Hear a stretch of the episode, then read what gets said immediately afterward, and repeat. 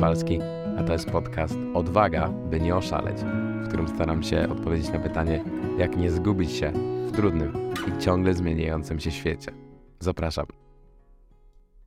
Dzisiaj porozmawiamy o jednym z najciekawszych tematów z zakresu medycyny, jakim jest układ nerwowy jelitowy, zwany również ENS, oraz jego związku z chorobą jelita drażliwego, IBS, i pomocą psychologiczną w leczeniu tej choroby.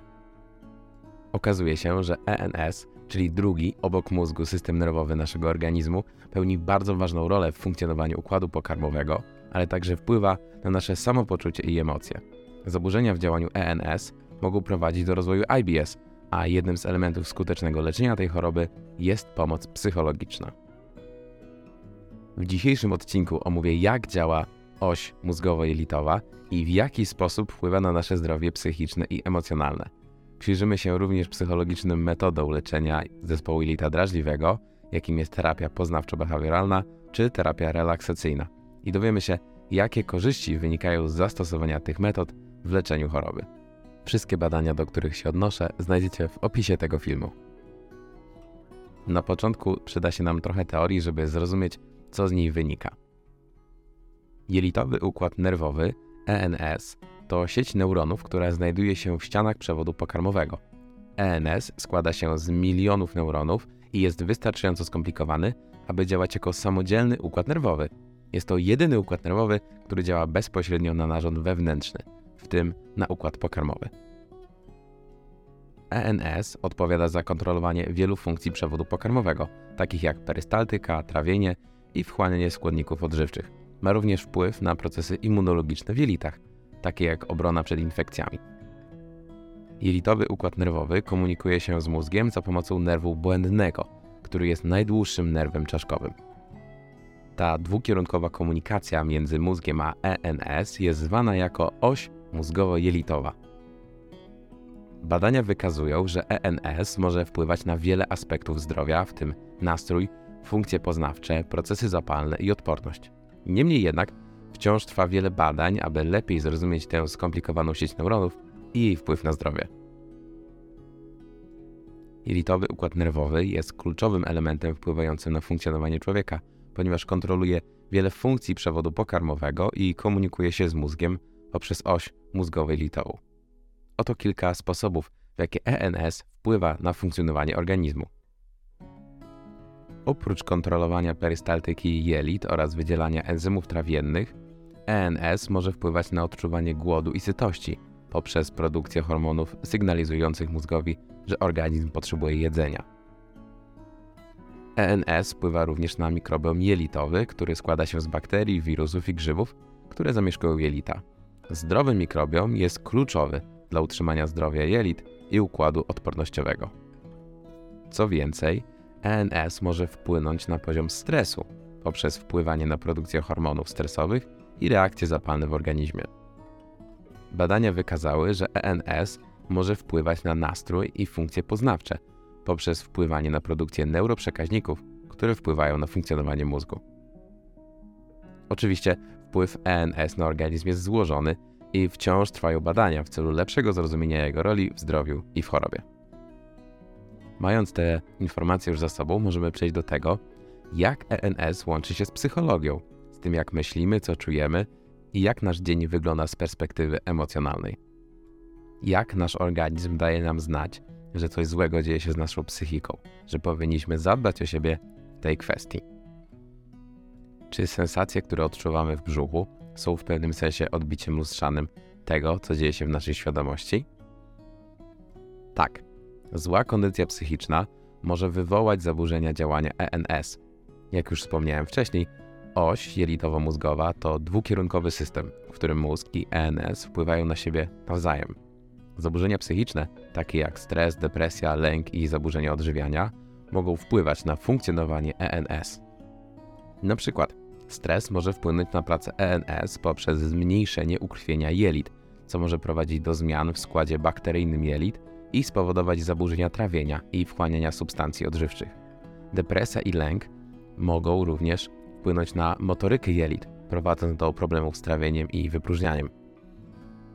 Ponadto niektóre badania sugerują, że zaburzenia psychiczne mogą wpływać na skład mikrobiomu jelitowego, co z kolei może wpłynąć na funkcjonowanie ENS.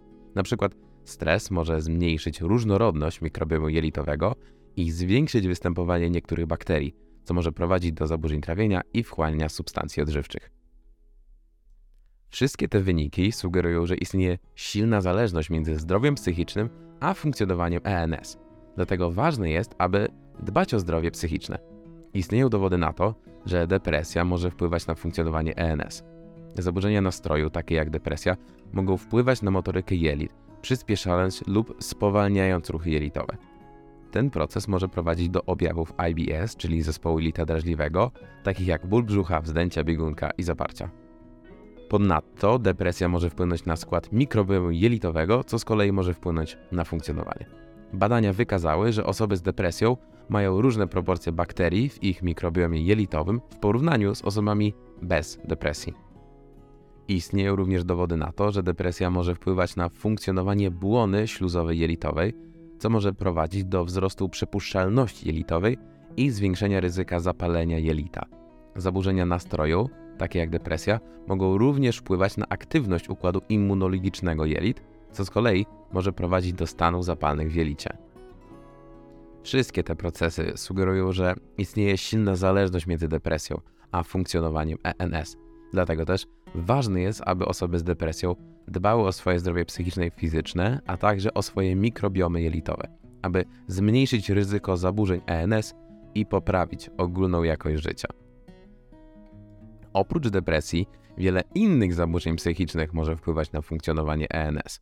Oto kilka przykładów. Stres pourazowy może prowadzić do zmniejszenia ukrwienia jelit, co może prowadzić do zmian w składzie bakteryjnym jelit i spowodować zaburzenia trawienia i wchłaniania substancji odżywczych.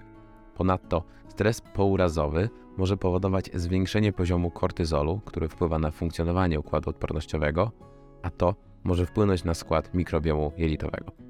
W jednym z badań przeprowadzonych na żołnierzach, którzy byli narażeni na stres pourazowy, wykazano, że mieli oni znacznie większe ryzyko rozwoju zaburzeń trawienia i chorób jelitowych, takich jak choroba leśniowskiego krona i wrzodziejące zapalenie jelita grubego. Lęk może prowadzić do zaburzeń trawienia, ponieważ w czasie stresu organizm skupia swoją energię na walce lub ucieczce, a to może wpływać na motorykę jelit, procesy trawienne, wchłanianie składników odżywczych. Poza tym stres zwiększa poziom kortyzolu i adrenaliny, które mają działanie hamujące na układ trawienny.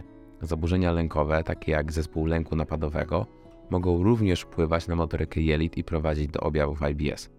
Warto też zaznaczyć, że jelitowy układ nerwowy ma swoje własne receptory na neuroprzekaźniki, takie jak serotonina czy noradrenalina, które wpływają na motorykę jelit i wydzielanie substancji regulujących trawienie, a zaburzenia lękowe wpływają na ilość i funkcjonowanie tych receptorów.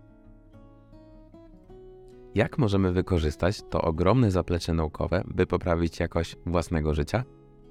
Jakie zaburzenia są najbardziej popularne w Polsce oraz czy jest jakaś metoda, która wykorzysta tą całą teorię, o której wcześniej rozmawialiśmy i da nam warunki do wyzdrowienia?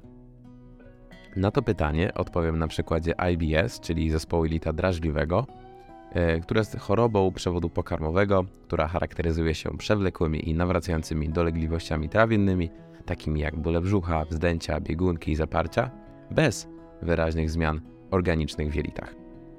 Według danych Światowej Organizacji Zdrowia, IBS dotyka około 10 do 15% populacji na całym świecie, a większość osób dotkniętych tą chorobą to kobiety. W Polsce szacuje się, że IBS występuje u około 5 do 15% populacji, co stanowi około 2 do 5 milionów ludzi. Mówienie o IBS jest ważne, ponieważ jest to choroba przewlekła, która wpływa na jakość życia osób dotkniętych nią, zarówno pod względem fizycznym, jak i emocjonalnym. Dolegliwości trawienne związane z IBS mogą wpływać na codzienne funkcjonowanie, utrudniając normalną pracę, szkolnictwo czy życie społeczne. Ponadto Osoby z IBS często doświadczają silnego stresu i lęku, co może prowadzić do pogorszenia stanu zdrowia psychicznego. Dlatego ważne jest zwiększanie świadomości na temat IBS oraz zapewnienie odpowiedniego wsparcia i leczenia dla osób dotkniętych tą chorobą. Warto zwrócić uwagę na pomoc psychologiczną w leczeniu IBS, ponieważ istnieją liczne dowody na to, że stres i czynniki psychologiczne mogą wpływać na rozwój i nasilenie objawów tej choroby. Ponadto leczenie farmakologiczne często nie przynosi satysfakcjonujących wyników, a nawet może prowadzić do skutków ubocznych i uzależnienia od leków. Teraz krótki, ale bardzo ważny disclaimer. IBS może mieć czysto somatyczną naturę i może mieć różne przyczyny. Dlatego ważne jest, aby osoby doświadczające objawów związanych z IBS konsultowały się z lekarzem lub specjalistą medycznym w celu uzyskania profesjonalnej diagnozy, zanim wyciągną jakiekolwiek wnioski lub założenia dotyczące własnego stanu zdrowia. Samodiagnoza i samoleczenie mogą być ryzykowne i mogą prowadzić do nieprawidłowych wniosków lub pogorszyć stan zdrowia. Zawsze lepiej szukać porady i wsparcia specjalisty, aby otrzymać odpowiednie leczenie i opiekę w przypadku IBS. Ok, przyczyna IBS nie jest w pełni zrozumiała, ale badania sugerują, że ENS może odgrywać istotną rolę w patogenezie. Osoby cierpiące na IBS mają zmienioną strukturę i funkcję ENS, co może wpływać na trawienie i ruch jelit, a także na czucie bólu w jelitach. W IBS stwierdzono także zmiany w mikrobiomie jelitowym, który może wpływać na funkcjonowanie ENS. Dodatkowo ENS jest połączony z mózgiem, co może wpływać na czucie bólu, reakcje emocjonalne i nastrój. IBS stwierdzono również zmienioną aktywność w obszarach mózgu związanych z procesowaniem bólu i emocji, co sugeruje, że zaburzenia te mogą mieć złożoną przyczynę. Leczenie często obejmuje zmiany w diecie, ćwiczenia fizyczne oraz terapię behawioralną. Niekiedy stosuje się także leki, które mają na celu wpłynąć na funkcjonowanie ENS, takie jak prokinetyki, antybiotyki i leki przeciwdepresyjne. Psychicznych powodów wystąpienia IBS można szukać stresie, zaburzeniach lękowych, zaburzeniach nastroju i historii traumy. Nie istnieje jedna uniwersalna metoda psychologicznego leczenia IBS, ponieważ każdy pacjent jest inny i wymaga indywidualnego podejścia. Jednakże terapia poznawczo-behawioralna z angielskiego CBT jest jedną z najczęściej zalecanych i najbardziej udokumentowanych psychologicznych metod leczenia IBS. CBT opiera się na założeniu, że nasze myśli, uczucia i zachowania są ze sobą powiązane i wpływają na nasze zdrowie fizyczne i psychiczne. W ramach CBT pacjent pracuje z terapeutą, aby nauczyć się identyfikować negatywne myśli, które mogą wpływać na objawy IBS, takie jak stres, lęk i depresja, i nauczyć się sposobów radzenia sobie z nimi. Techniki stosowane w terapii poznawczo-behawioralnej, które mogą być pomocne w leczeniu IBS, to m.in. trening umiejętności interpersonalnych, trening umiejętności radzenia sobie ze stresem, kognitywna rekonstrukcja i relaksacja mięśni. Ta ostatnia to technika terapeutyczna, która ma na celu zmniejszenie napięcia mięśniowego i stresu w ciele i umyśle. Jest to jedna z technik stosowanych w leczeniu IBS, ponieważ napięcie mięśniowe może prowadzić do bólu brzucha i skurczów. Relaksacja mięśni opiera się na świadomym rozluźnianiu kolejno poszczególnych grup mięśniowych w ciele, począwszy od stóp i stopniowo przechodząc w górę. Technika ta wymaga skupienia uwagi na konkretnych partiach ciała i na wdechach, wydechach, co pomaga w osiąganiu stanu głębokiego relaksu. Relaksacja mięśni może być nauczona przez terapeutę lub samemu, korzystając z dostępnych materiałów audiowizualnych. Istnieje wiele rodzajów technik relaksacyjnych, takich jak trening autogenny, medytacja, yoga i wiele innych, które można dostosować do indywidualnych potrzeb. Technika ta może również pomóc w zmniejszeniu stresu i poprawie jakości snu, co również może wpłynąć na poprawę stanu zdrowia. Relaksacji należy używać w połączeniu z innymi metodami leczenia IBS, takimi jak dieta, leki i ćwiczenia fizyczne. Kolejną metodą jest kognitywna rekonstrukcja, która ma na celu pomoc osobom zmienić negatywne myśli, w tym związane z IBS, na bardziej pozytywne i korzystne dla zdrowia. Metoda ta polega na identyfikowaniu i analizowaniu myśli i przekonań, które wpływają na doznawanie objawów IBS oraz na naukę sposobów, w jaki można zmienić te myśli na bardziej pozytywne. W przypadku IBS negatywne myśli mogą skutkować nasileniem się objawów. Osoby z IBS mogą przykład czuć, że nie mają kontroli nad swoim ciałem, że są niesprawne lub słabe, co może prowadzić do stresu i nasilać objawy choroby. Kognitywna rekonstrukcja polega na nauce rozpoznawania negatywnych myśli i przekonań. Można to osiągnąć poprzez stosowanie różnych technik, takich jak uwrażliwianie na myśli. Metoda polega na rozpoznawaniu negatywnych myśli, które wpływają na doznawanie objawów IBS. Po ich identyfikacji osoba uczy się zastępować je bardziej pozytywnymi i konstruktywnymi myślami pytanie o dowody. W ramach tej metody osoba uczy się kwestionować swoje negatywne myśli i szukać dowodów na to, że są one nieprawdziwe. Na przykład, jeśli osoba uważa, że jej ciało jest niesprawne, może zapytać samą siebie, jakie dowody ma na to, że tak jest. Zmiana myśli. W tej metodzie osoba uczy się zastępować negatywne myśli pozytywnymi. Na przykład zamiast myśleć jestem słaby, osoba może myśleć mój organizm potrzebuje teraz wypoczynku. Wspierające afirmacje. Metoda ta polega na stosowaniu afirmacji, czyli pozytywnych stwierdzeń o sobie, aby wzmocnić pozytywne myśli i przekonania. Jedną z form terapii poznawczo-behawioralnej jest terapia interoceptywna, która skupia się na zmniejszaniu negatywnych objawów związanych z zaburzeniami somatycznymi lub emocjonalnymi poprzez kształtowanie introcepcji, postrzegania wewnętrznych sygnałów z ciała. Podczas terapii interoceptywnej terapeuta pomaga pacjentowi nauczyć się rozpoznawać, interpretować i kontrolować wewnętrzne sygnały ciała, takie jak tętno, ciśnienie krwi, napięcie mięśni czy poziom stresu. Poprzez naukę odbierania tych sygnałów i kontrolowanie ich, pacjenci mogą zredukować objawy, takie jak ból, lęk, napady paniki czy zaburzenia odżywiania. Oto kilka przykładów terapii interoceptywnej w leczeniu IBS, które pochodzą z różnych źródeł naukowych i klinicznych. Pacjentka, która doświadczała silnych bólów brzucha i zaburzeń jelitowych, uczestniczyła w terapii interoceptywnej, w której uczyła się rozpoznawania i kontrolowania swoich reakcji fizjologicznych, takich jak szybkie bicie serca, zwiększona potliwość i napięcie mięśniowe, które często towarzyszą bólom brzucha. Terapia skupiła się na uważnym obserwowaniu i akceptowaniu tych reakcji, a następnie na stosowaniu technik relaksacyjnych, aby zminimalizować ich wpływ na dolegliwości jelitowe. Pacjentka zauważyła znaczną poprawę swojego stanu zdrowia po ukończeniu terapii interoceptywnej. Innym przykładem jest mężczyzna, który miał problemy z trawieniem i bólami brzucha przez wiele lat. Po serii badań lekarz zdiagnozował u niego IBS, ale leki i dieta nie przynosiły poprawy. Po konsultacji z terapeutą interoceptywnym mężczyzna zaczął trenować świadomość swojego ciała, aby nauczyć się rozpoznawać subtelne sygnały związane z układem pokarmowym i zminimalizować wpływ stresu na objawy IBS. W wyniku terapii mężczyzna zauważył poprawę swojego samopoczucia i zmniejszenie częstotliwości występowania bólów brzucha. To wszystko wskazuje, że jest nadzieja dla osób, które cierpią na IBS i inne tego typu zaburzenia. Nikt, kto doświadcza takiego rodzaju objawów, nie jest skazany na cierpienie do końca życia. Nie musi się godzić na wieczny dyskomfort i pewnego rodzaju pesymizm z tym związany. Warto próbować, warto sięgać dalej, warto poszerzać swoje horyzonty. Oczywiście nie jest to takie proste.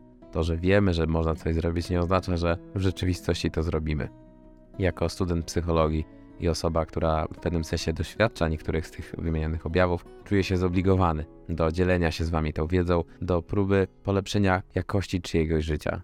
Jeśli po wysłuchaniu tego ktoś spojrzy na siebie w innym świetle i sięgnie po trochę dobra dla siebie, będę naprawdę zachwycony. Fakt, że różnego rodzaju stłumione emocje, niewyrażone żale lub traumy możemy nosić w naszym ciele, możemy je nosić w różnych formach takich zaburzeń jak IBS czy inne tego typu, jest dla mnie niesamowity. Organizm działa w pewnym sensie osobno od nas, nie da się go oszukać.